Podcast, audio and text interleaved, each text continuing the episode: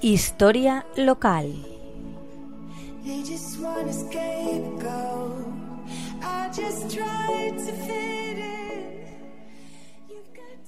Buenas tardes, amigos y amigas de la Tegua Radio.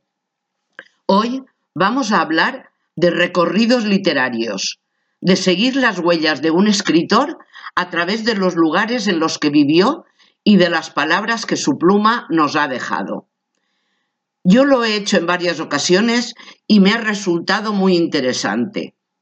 La literatura española es una de las fuentes culturales más ricas de nuestro patrimonio. Con las obras de grandes autores es posible conocer la sociedad y cultura de diferentes momentos de la historia, así como disfrutar con sus historias y personajes, Cervantes, Azorín, Valle Inclán o Miguel Hernández son algunos de los literatos que dejaron huella en diferentes rincones de España y que a día de hoy pueden revivirse a través de rutas literarias. Os propongo un recorrido en el tiempo y el espacio para disfrutar de nuestro patrimonio cultural. Como no podía ser de otra manera, Vamos a comenzar por nuestro paisano e ilustre escritor Azorín y por Monóvar. Ya existe una ruta que el ayuntamiento ha diseñado y en la que se visitan siete espacios diferentes, con una duración de una hora aproximadamente.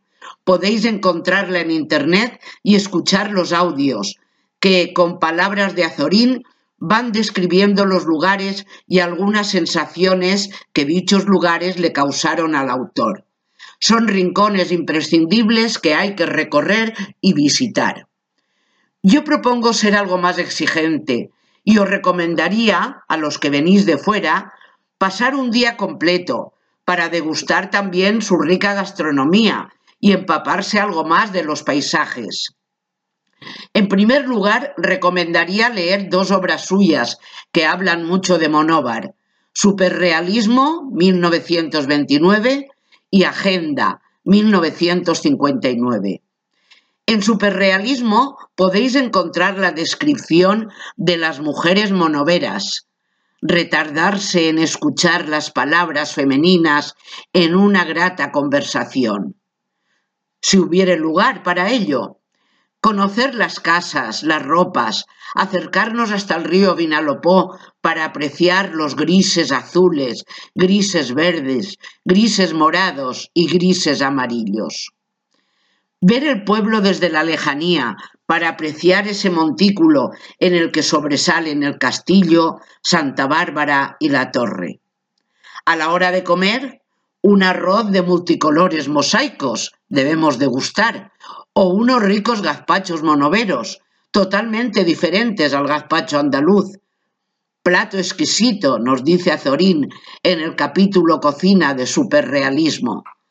Visitar quizá alguna bodega donde se elaboran los famosos vinos de Alicante y saborearlos acompañados de la rica variedad de dulces que podréis encontrar en los hornos locales. Hacerlo así, dedicándole un día completo, sería la manera de conocer algo más de este pueblo que dista 35 kilómetros desde Alicante y para los que hemos nacido en él es la mejor terreta del mon.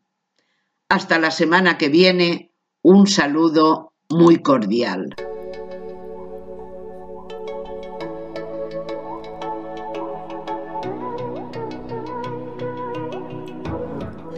Historia local.